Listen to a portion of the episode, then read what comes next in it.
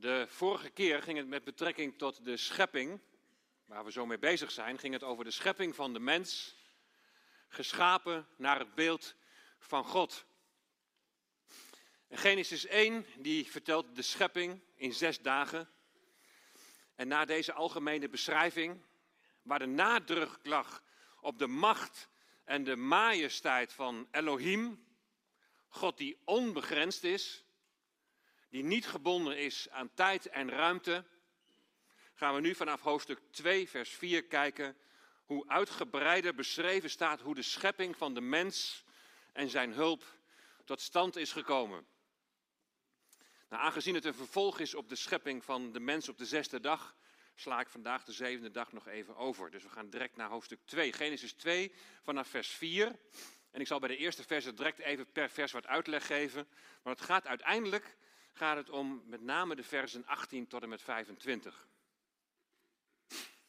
Genesis 2 vanaf vers 4. Ik lees uit de herziene statenvertaling, maar je ziet bij vers 1 direct al dat ik iets aangepast heb. Daar staat namelijk, dit is de geboorte, de geschiedenis, de toledot van hoe de hemel en de aarde voortkwam toen zij geschapen werden. Op de dag dat de Heere God aarde en hemel maakte. Nou, heel Genesis is eigenlijk ingedeeld in verschillende tole, zogenaamde toledots. En hier is het de geschiedenis van de hemel en de aarde. Dan gaat het dus weer over het begin. Maar zoals je kunt zien, vanaf hoofdstuk 5, vers 1 begint de Toledot, de familiegeschiedenis van Adam. In 6, vers 9, die van Noach, nou enzovoorts, enzovoorts. En er was nog geen enkele veldstruik op de aarde. En er was nog geen enkel veldgewas opgekomen, want de Heere God had het niet laten regenen op de aarde en er was geen mens om de aardbodem te bewerken. Nou, dit lijkt tegenstrijdig met Genesis 1, vers 11 en 12. Daar was op de derde dag was er al sprake van zaaddragend gewas en van zaaddragende bomen. Er was ook een huiskring die zich dat afvroeg van, hé, hey, hoe zit dit precies? Nou, of vers 5 gaat over de situatie voor de derde dag, of het gaat om gewassen die afhankelijk zijn van regen en bewerking door de mens. Dan, dan zou het gaan om het gewas dat aanwezig is vanaf Genesis 3, vers 18. Dus verderop. En daar wordt het eten van het gewas van het veld wordt gezien als gevolg van de zondeval. Dus God had het dus nog niet laten regenen. En dan gaan we verder met vers 6. Maar een damp steeg op uit de aarde en bevochtigde heel de aardbodem. Nou, wat die damp betreft, gaat men er nu van uit door toenemende kennis van de grondtekst, dat hiermee ondergrondse waterstroom wordt bedoeld. Een ondergrondse waterstroom die op verschillende plaatsen via bronnen omhoog komt. Hier is het nog damp, maar in Genesis 7, vers 11, daar kun je lezen dat tijdens de zondvloed alle bronnen van de watervloed openbarsten. Oké, dan gaan we naar de zesde dag. Vers 7. Toen vormde de Heere God de mens uit het stof van de aardbodem en blies de levensadem in zijn neusgaten en zo werd de mens tot een levend wezen. Waar het in hoofdstuk 1 gaat over God, over Elohim, is vanaf vers 2, hoofdstuk 2, vers 4, is zijn naam Yahweh Elohim. Elohim, de onbegrensde God, niet gebonden aan tijd en ruimte, die wordt hier ook Yahweh genoemd. En dat is de naam die relatie aangeeft tussen God en de mens. De naam met wie hij zich later bekend maakt aan zijn volk. Yahweh, ik ben die ik ben. Hij die onbegrensd is, hij komt in al zijn macht en zijn majesteit, komt hij naar de mens toe, omdat hij verlangen heeft om relatie met de mens te hebben. De mens die hij geschapen heeft. Vers 8 tot en met 17 gaat over de Hof van Eden en de twee bomen. Daar kom ik later nog eens een keer op terug in hoofdstuk 3. En de nadruk zal vanmorgen dus liggen op vers 18 tot en met 25. En daar lezen we het volgende. Ook zei de Heere God, het is niet goed dat de mens alleen is. Ik zal een hulp voor hem maken als iemand tegenover hem. De Heere God vormde uit de aardbodem alle dieren van het veld en alle vogels in de lucht en bracht die bij Adam om te zien hoe hij ze noemen zou. En zoals Adam elk levend wezen noemen zou, zo zou zijn naam zijn. En zo gaf Adam namen aan al het vee en aan, al, aan de vogels in de lucht en aan alle dieren van het veld. Maar voor de mens vond hij geen hulp als iemand tegenover hem. En toen liet de Heere God een diepe slaap op Adam vallen, zodat hij in slaap viel. En hij nam een van zijn ribben en sloot de plaats ervan toe met vlees. En de Heere God bouwde die rib die hij uit Adam genomen had tot een vrouw en hij bracht haar bij Adam. En toen zei Adam, deze is ditmaal been van mijn beenderen en vlees van mijn vlees. En deze zal manin genoemd worden, want uit de man is zij genomen. En daarom zal een man zijn vader en zijn moeder verlaten en zich aan zijn vrouw hechten. En zij zullen tot één vlees zijn. En ze waren beide naakt, Adam en zijn vrouw, maar ze schaamden zich niet. Tot zover de schriftlezing. Gods orde is in orde. Toen de Heer Jezus op aarde was, toen bracht hij een boodschap van bekering. Bekeer u, want het koninkrijk der hemelen is nabijgekomen. Bekeer u, want het koninkrijk van de Messias hier op aarde, dat zal zijn als in de hemel, dat zal spoedig aanbreken. En ter voorbereiding op dit koninkrijk werden mensen gedoopt. De doop van Johannes was een doop van bekering. En terwijl de mensen werden gedoopt, beleden ze hun zonde. Als verkondigd wordt dat een nieuwe tijd zal aanbreken en dat Jezus de Messias zal regeren, dan wordt het onrustig in de hemelse gewesten. De Satan en zijn trawanten die zijn gevoelig voor macht. En er ontbrandt een strijd tussen licht en duisternis. En het volk dat tijdens het leven van Jezus hier op aarde, op aarde was, dat volk, dat wandelde volgens Jezaja al, het volk wandelde in duisternis. En dat is een omstandigheid waar de Satan zich prima thuis voelt. Maar als dan het licht verschijnt, als de Heer Jezus geboren wordt, de komende Messias, dan is hij in alle staten omdat hij weet dat de duisternis moet wijken voor het licht. En als dan die mensen die daar gedoopt worden, als die hun duistere praktijken aan het licht brengen door hun zonde te beleiden, dan is dat het laatste wat hij wil. De komst van de Messias gaat met strijd gepaard. En de Satan, die ook duivel wordt genoemd, hij is de diabolos. En dat betekent hij die alles door elkaar gooit. Hij wil alles wat God heeft ingesteld. Hij wil Gods orde die in orde is. Hij wil Gods orde, wil die verdraaien en omdraaien. En de Satan doet er alles aan om de heerschappij van de Heer Jezus te verstoren. En dat koninkrijk wat toen was beloofd, is uitgesteld omdat ze hem niet als Messias hebben aanvaard. Als er iets staat te gebeuren dat heel belangrijk is, en ik geloof dat Jezus' komst nabij is, dan bereid je je daarop voor.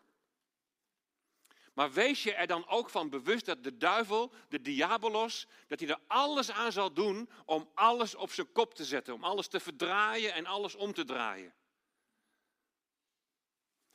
Alles wat God ingesteld en wat hij geboden heeft, wordt verdraaid en omgedraaid om zo de mensen maar van God te vervreemden. En de Satan gaat ook in onze tijd gaat rond als een brullende leeuw zoekende wie hij kan verslinden. Kijk, ik vind het heel interessant en boeiend om te proberen de tijd te duiden waarin we leven. Om de Bijbelse profetieën naast de huidige gebeurtenissen in de wereld te leggen. En als ik alles zo bij elkaar optel, dan, dan geloof ik dat een belangrijke gebeurtenis aanstaande is. De komst van de Heer Jezus. Maar wat is belangrijker? Dat je precies weet hoe het zit. Dat je denkt te weten hoe het spoorboekje van de gebeurtenissen van de komende gebeurtenissen in elkaar zit. Of dat je bezig bent met je ontmoeting met de Heer Jezus.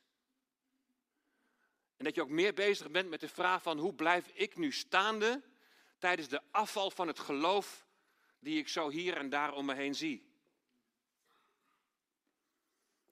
En ik ben ervan overtuigd dat je wat die voorbereiding betreft het beste kunt beginnen bij het begin, bij de schepping. De mens die gooit alles in onze tijd door elkaar, verdraait alles en draait alles om. Maar je kunt dat pas echt onderscheiden als je weet hoe God het heeft bedoeld. Weet je, en het doorpreken van een Bijbelboek heeft als voordeel dat je niet alleen maar preekt over je eigen stokpaardjes of je eigen voorkeuren. Dat je dus ook de, de, de gedeelten die je misschien wel wat lastig vindt, dat je daar ook over gaat spreken. En dan kom je zoals vanmorgen kom je aan een onderwerp dat onherroepelijk zal schuren. En dan wrijf ik echt niet in mijn handen zo van, om die bepaalde zaken er eens even flink in te wrijven. Omdat je van tevoren weet dat je zo hier en daar in wonden wrijft. En dat het best pijn kan doen. En dat is aan de ene kant helemaal niet iets wat ik wil. Want van nature wil ik mensen helemaal niet kwetsen. En ik heb ook wel iets in me dat ik ook wel graag aardig gevonden wil worden. Maar aan de andere kant weet ik dat het verkondigen van Gods orde, dat dat het beste is voor ieder mens. Ik ben niet gekomen om mensen te behagen. Maar ik moet straks naar God verantwoording afleggen voor wat ik verkondigd heb. Dat was die tekst uit Hebreeën 13 die ik met Lau net gelezen heb. En als je dan met de aanstaande komst van de Heer Jezus in zicht ziet dat Gods orde op allerlei mogelijke manieren wordt ondermijnd en ook ingang vindt in de kerk van Jezus Christus, dan moet Gods woord en dan moet zijn wil moet gepredikt worden. De schepping. De schepping is het eerste waarin de Heere God zichzelf openbaart. En de schepping vormt de grondslag tussen de verhouding van God en mens, de mensen onderling en de mens ten opzichte van de schepping. En de wijze waarop je naar de schepping kijkt en hoe je daarover denkt, dat bepaalt ook jouw godsbeeld, jouw mensbeeld en jouw wereldbeeld. En dat heb ik de vorige keer al benadrukt, dat het zo belangrijk is om een bijbels godsbeeld te hebben, om een bijbels mensbeeld te hebben en een bijbels wereldbeeld. Nou, het scheppingswerk wordt in Genesis 1 gezien als het aanbrengen van scheiding en onderscheiding. De duisternis wordt gescheiden van het licht. De aardbodem wordt gescheiden van het uitspansel en de zee wordt gescheiden van het droge. De levende schepselen worden onderscheiden elk naar hun aard. En de mens wordt onderscheiden in man en vrouw, in mannelijk en vrouwelijk. Scheiding en onderscheid maken betekent niets anders dan het realiseren van een bepaalde orde. De orde in Gods schepping gaat terug op een goddelijk besluit. God is een God van orde. En het is de bedoeling dat wij, gelovigen, leven in overeenstemming met die orde die Hij heeft aangebracht. Waarom? Omdat het goed is voor ons. Er is orde geschapen in de chaos. De aarde die woest en leeg was, die moest leefbaar worden gemaakt. Nou, zoals in Jesaja 45, vers 18 het zegt, hij heeft haar niet geschapen opdat zij woest zou zijn, maar hij heeft haar geformeerd opdat men erop zou wonen. Nou, en als je een woning gaat bouwen, dan moet dat aan allerlei voorschriften moet het voldoen. En daar is een bepaalde orde is daarvoor. En als niet volgens die orde wordt gewerkt, dan wordt het een wankele woning en dan bestaat er instortingsgevaar. En je moet het huis niet op zand bouwen, maar op een degelijk fundament. En Gods orde is dat fundament. En als je daaraan gaat morrelen, dan heeft dat hele grote gevolgen. Nou, wat duidelijk wordt in het gedeelte dat we hebben gelezen, is dat God dus ook orde heeft aangebracht als het gaat om man en vrouw. In hoofdstuk 1 hebben we gezien dat God de mens gemaakt heeft naar zijn beeld en naar zijn gelijkenis. De mens is geschapen, hebben we gezegd, als zijn vertegenwoordiger hier op aarde. In hoofdstuk 2 zien we meer gedetailleerd hoe hij de mens geschapen heeft. Vers 7, toen vormde de Heere God, toen vormde Yahweh Elohim de mens uit het stof van de aardbodem en blies de levensadem in zijn neusgaten en zo werd de mens tot een levend wezen. De Heere God vormde de mens. En voor mens staat in het Hebreeuws Ha-Adam. En dat kan zowel mens als man, als mensheid betekenen. De mensheid, te beginnen met de eerste mens, Adam, die werd door de Heere God gevormd. En dat woord vormen, formeren, dat wordt door Jeremia gebruikt voor het werk van de pottenbakker. Jezaja gebruikt dat voor het beeld van een beeldhouwer. Dus vormen, formeren, is dus het formeren van een kunstwerk. De Heere God die maakt de mens als kunstwerk uit al aanwezig materiaal, het stof van de aardbodem. En dan is er een volgorde in dat formeren. Eerst het lichaam en dan de levensadem. De adem, de levensgeest. En daardoor is de mens meer dan materie. Je bent een kunstwerk van God. Als een resultaat van Gods inblazen wordt de mens een levende ziel. Een nefesh. Dat betekent heel eenvoudig dat de mens begon te leven. Maar dan staat er in vers 18 dat God zegt: Het is niet goed dat de mens alleen is. En ik zal een hulp voor hem maken als iemand tegenover hem. Maar wat betekent dat? De vrouw die een hulp is voor de man. Die aanduiding, helper of hulp, is voor veel misverstand vatbaar. En het heeft ook heel duidelijk, heeft het daadwerkelijk veel schade aangericht. Tot uiting komend in de onderdrukking van vrouwen. En weet je, het, is zo belangrijk om als het ware dat woord eens even te, te, te proeven. Omdat we in de omgangstaal geneigd zijn het te verbinden met zoiets als, nou ja, een hulpje. Het kind op school dat hulpje van de juf mag zijn. Of het jongetje dat zijn vader mag helpen met het maken van een konijnenhok.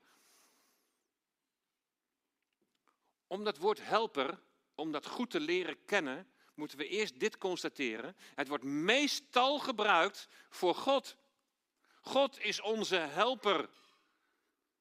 Neem bijvoorbeeld Psalm 40, vers 18. Ik ben wel ellendig en arm, maar de Heer denkt aan mij. U bent mijn helper en mijn bevrijder. Mijn God wacht niet langer.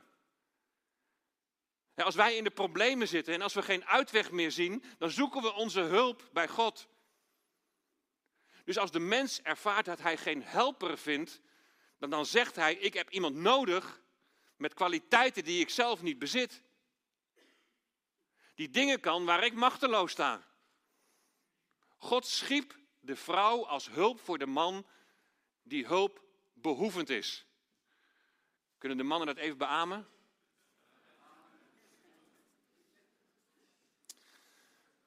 Uit de NBG-vertaling blijkt dat het een hulp is die bij de man past. Maar de herziende statenvertaling die vertaalt het beter, namelijk dat zij een tegenover is. De vrouw is complementair aan de man. Die maakt de man compleet. Die vult de man aan. Zonder de vrouw is de man niet compleet. Nou, uitvoerig wordt het scheppen van een vrouw beschreven. De vrouw is niet gevormd uit het stof van de aarde, maar uit de man, zoals we gelezen hebben in vers 21 en 22. Toen liet de Heere God een diepe slaap op Adam vallen, zodat hij in slaap viel en hij nam een van zijn ribben en sloot de plaats ervan toe met vlees. En de Heere God bouwde de rib die hij uit Adam genomen had tot een vrouw en hij bracht haar bij Adam. De creatie van de vrouw die wordt meestal zo voorgesteld dat God uit de mens een rib neemt. Maar het is zeker ook mogelijk om het woord rib om dat te vertalen met deel van zijde van de man. God neemt dan de ene helft van de mens weg. Of hij neemt de vrouwelijke component weg, zeggen sommige uitleggers. En maakt vanaf nu onderscheid tussen de biologische man en de biologische vrouw. Met als doel om helemaal bij elkaar te passen en om en in elkaar verstrengeld te liggen, voor elkaar onmisbaar te zijn. En dan zie je dat God de, zelf de vrouw naar Adam brengt. Zoals in later tijden de vriend van de bruidegom de bruid naar de bruidegom leidt. Het officiële moment van de overdracht waardoor het huwelijk voltrokken wordt. Dus er is hier direct al sprake van een huwelijk. En als de man tot hem wordt gebracht, dan geeft de man hierop een vreugdevolle reactie. En hij zegt, been van mijn beenderen en vlees van mijn vlees. Dat geeft bloedverwantschap aan, dat geeft eenheid aan. Het is opvallend dat dit been van mijn beenderen en vlees van mijn vlees, dat het ook haar naam werd. Issa staat er in het Hebreeuws. En het was lastig met de vertaling. Ze komen er niet altijd zo even goed uit. De ene vertaling zegt daarom ook manin. En de andere vertaling heeft het over vrouw. Maar weet je dat Bijbelse Hebreeuws is niet het oudste Bijbelse schrift. Mozes, die Genesis geschreven heeft, die maakte namelijk gebruik van het zogenaamde pictografische Semitische schrift. Mag je weer vergeten, maar dat is wel heel mooi om het even te zien. Daar had Eva namelijk de naam Gua. En daarvoor werden de volgende pictogrammen werden gebruikt met de daarbij behorende betekenis. En dan zie je als het ware dat hekje van vlees en dan dat bot. En dan, ah, wow. En hier zien we in de naam Gua, dat wij als Eva kennen, dat zij gemaakt was van vlees en botten van Adam. En dan is er reden voor blijdschap en voor verwondering. Ah, wow. De man en de vrouw, allerlei bot, vlees en bot. En in die zin bij elkaar passend en bij elkaar horend. En God zelf brengt de vrouw bij haar man. En dan wordt hier in Genesis 2 Gods orde, Gods fundament, wat het huwelijk betreft, beschreven. En Gods orde is in orde. Vers 24. Daarom zal een man zijn vader en zijn moeder verlaten en zich aan zijn vrouw hechten en ze zullen tot één vlees zijn. En zij waren beiden naakt, Adam en zijn vrouw, maar zij schaamden zich niet. Dus hier zie je heel duidelijk dat er sprake is van een monogame relatie, één man en één vrouw. En zij zullen tot één vlees zijn. En dat zij, dat slaat dus op die man en de vrouw samen. De Bijbel die geeft geen andere optie wat relaties betreft dan het huwelijk tussen man en vrouw. Waar de Bijbel ook heel duidelijk over is, dat is dat seksualiteit, dat het beperkt blijft tot één man en één vrouw binnen de grenzen van het huwelijk. En dat blijkt heel duidelijk uit die volgorde. Verlaten, aanhangen en dan ten derde tot één vlees worden. Dus het is belangrijk om Genesis 2, vers 24. En Paulus die herhaalt letterlijk deze tekst dus het was niet alleen iets van toen, maar het is altijd geldend. Hij citeert het namelijk in Efeze 5, vers 31. Het is belangrijk om, om die drie fasen, om die te onderscheiden. Fase 1, een man verlaat zijn vader en zijn moeder. En hiermee wordt bedoeld dat de man zelfstandig wordt ten opzichte van zijn vader en moeder. Hij verlaat zijn oude, vertrouwde gezinseenheid, waarin hij jarenlang heeft doorgebracht, en hij is opgevoed tot de man die hij nu is. Dat betekent dat hij zelfstandig beslissingen gaat nemen en dat hij verantwoordelijkheid gaat dragen. Hij verlaat zijn gezinseenheid bij zijn ouders, met de bedoeling een nieuwe e- gezinseenheid te gaan vormen. En dan fase 2. Een man zal zijn vrouw aanhangen. Het woord aanhangen heeft de betekenis van een volledige, blijvende eenheid die niet meer verbroken mag worden. In Efeze 5, vers 31 haalt Paulus dus Genesis 2, vers 24 aan in zijn reden over het huwelijksleven. En dan zien we dat de relatie tussen man en vrouw in het huwelijk net zo onverbrekelijk is als de band tussen Christus en zijn gemeente. Aanhangen heeft dus daar de betekenis van onlosmakelijk met elkaar verbonden zijn. Het woord kan ook vertaald worden met aankleven of vastplakken. Zoals twee stukken papier aan elkaar zijn gelijmd, zo zijn man en vrouw met elkaar verbonden. Daarom is een scheiding ook zo pijnlijk. Zo pijnlijk, want, want er wordt iets losgescheurd, er gaat iets kapot. En dat huwelijk, dat wordt dan in het openbaar bekrachtigd met een officieel verbond waar getuigen bij aanwezig zijn. En dan fase 3. Man en vrouw zullen tot één vlees zijn. En met één vlees wordt bedoeld dat man en vrouw lichamelijk en seksueel één zijn. Maar het gaat nog verder dan dat. Dat ze als volledig mens naar geest, ziel en lichaam één zijn. Een volkomen verbondenheid. En in de context van Genesis 2, vers 24 mogen we zelfs zeggen Dat het betekent dat hiermee een nieuwe familierelatie is ontstaan. Voortplanting was niet het enige doel van de seksuele gemeenschap. Het was ook een bron van genot, van plezier, maar altijd binnen de geborgenheid van dat huwelijksverbond. Het hooglied spreekt over het samengaan van man en vrouw in een besloten tuin waar niemand anders toegang heeft. Een besloten tuin waar niemand anders toegang heeft. Wanneer het evangelie later de losbandige Grieks-Romeinse wereld ingaat, dan zie je enerzijds toenemende losbandigheid op het gebied van seksualiteit. Zoals dat ook trouwens hè, binnenkwam in de gemeente in Korinthe. En anderzijds zie je dat christenen ook de invloed van de Griekse denkwijze met haar tegenstelling tussen lichaam en geest ondergaan. En er wordt steeds vaker gereageerd met, met afwijzing van het genot van seksualiteit, ook binnen het huwelijk. Met het beroep op, op Genesis 1, vers 28 en 9, vers 1, waar staat: Wees vruchtbaar, word talrijk en vervul de aarde, begon de kerk te leren dat seksualiteit alleen maar was voor voortplanting. De daad zelf die werd zelfs om, om, omgeven met schuld en met schaamte. Christelijke heiliging en seksualiteit die verdroegen elkaar niet. Nou, in de zestiger jaren van de 20e eeuw kwam de seksuele revolutie op gang. Er werd meer nadruk op de individuele beleving gelegd. Seksualiteit kwam losser te staan van de voortplanting. En dit vooral ook door de introductie van de pil als effectief anticonceptiemiddel. En mede daardoor kwamen seksualiteit en huwelijk nog verder van elkaar af te staan. En er was een toename van seks voor het huwelijk, buitenechtelijke seks en vrije liefde onder het mom van seksuele bevrijding. Ook door de toegenomen welvaart is er veel meer nadruk gekomen te liggen op individuele vervulling en seksueel genot.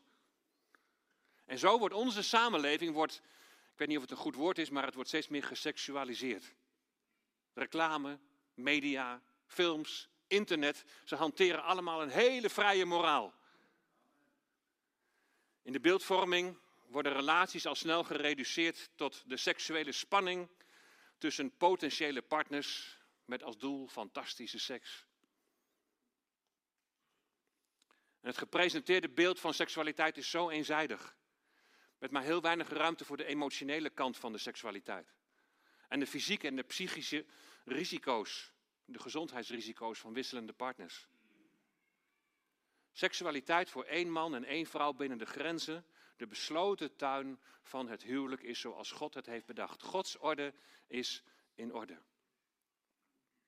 Maar de diabolos gooit het allemaal door elkaar. En hij verdraait en hij draait om. Er zijn huwelijken stuk gelopen, ook in onze gemeente. En dat is heel pijnlijk voor de betrokkenen. En het is pijnlijk voor de kinderen die daar ook weer bij betrokken zijn. Lieve mensen, wees voorzichtig met veroordeling. Ik weet nog dat een, een broeder in onze vorige gemeente kwam en hij was twee keer gescheiden. En ik kwam bij hem op bezoek, kennismakingsbezoek. Ik zei, joh, wat heb jij wat meegemaakt zeg? En toen begon hij te huilen. Dat heb ik nog nooit meegemaakt, zei hij. Vanuit de kerk kreeg ik altijd direct veroordeling. Maar het is zo pijnlijk. Er zijn jongeren die zich niet rein hebben kunnen bewaren voor het huwelijk. Situaties van overspel die zijn ons ook niet vreemd. Er zijn mensen die worstelen met hun identiteit. Met pornografie. Weet je waar het om gaat? Als je in afwachting bent van de komst van de Heer Jezus, is je houding naar God in het niet hebben kunnen voldoen aan zijn ideaal. Heb je als, je, als je afgeweken bent van zijn ideaal, want er is altijd een weg van herstel. Als je afgeweken bent van zijn ideaal, heb je dan je zonde beleden, omdat hij getrouw en rechtvaardig kan zijn om jouw zonde te vergeven? Heb je het verlangen om te breken met dat wat in strijd is met Gods orde? En dat zal misschien niet altijd eenvoudig zijn. En er zijn soms ook situaties dat herstel niet meer mogelijk is. Maar dan zegt de Heer Jezus zondag vanaf nu niet meer. Wil je oprecht de wil van God doen en zijn orde als maatstaf nemen? Wil je oprecht zijn wil doen of bepaal je zelf je keuzes? Martin Visser van Global Rise, dat is internetzending, die heeft een heel interessant artikel geschreven met als titel Cultuurchristendom is een bedreiging voor de Nederlandse kerken. Cultuurchristendom is een bedreiging voor de Nederlandse kerken. En hij neemt verschillende culturen in verschillende werelddelen, neemt hij zo heel kort even onder de loep. En dan schrijft hij het volgende.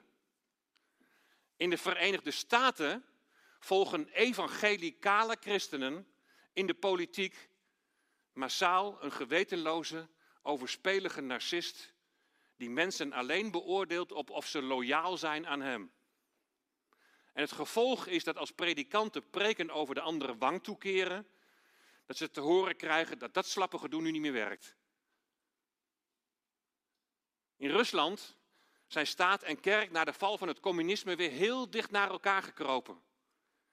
En Russische priesters zegenen de tanks en de raketten die kort daarna gebruikt worden om de Oekraïne aan te vallen. In Afrika, daar zie je vrachtwagens rondrijden met Jesus is power. Jezus wordt ontmenselijkt. Hij heeft geen kracht. Hij is een kracht die voorspoed garandeert. Die voorspoedtheologie is heel nadrukkelijk in Afrika aanwezig.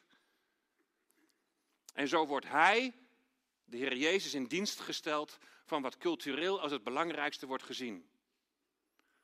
En in al deze gevallen is het geloof niet helemaal weg, maar het is wel zwaar verminkt. Maar hoe staat het ervoor in Nederland? Welke kracht trekt ons in Nederland in een cultuurchristendom in dat even zo ver afstaat van Gods bedoeling? Nou, als we luisteren naar stemmen van buitenaf, dan wordt dat heel snel duidelijk. De Amerikanen, de Russen en de Afrikanen zouden bij ons allemaal hetzelfde aanwijzen. In Nederland hebben we de menselijke autonomie, het zelfbeschikkingsrecht van de mens zo hoog zitten, dat we gehoorzaamheid aan God daaraan ondergeschikt maken.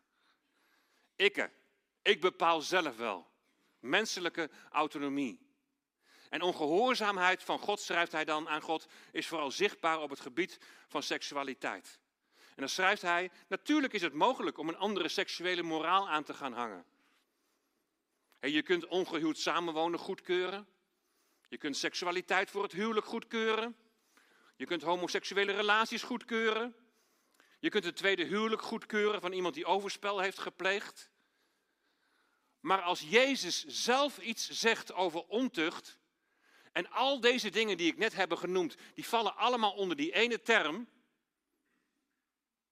Als de Heer Jezus zelf iets zegt over ontucht, en deze dingen vallen daar dus onder, dan is hij heel duidelijk. Tegen de gemeente in Pergamus noemt hij het goedkeuren van ontucht, noemt hij de leer van Biliam, die een struikelblok werd voor Israël. Hij noemt het de leer van de Nicolaïten en hij zegt dat hij die haat.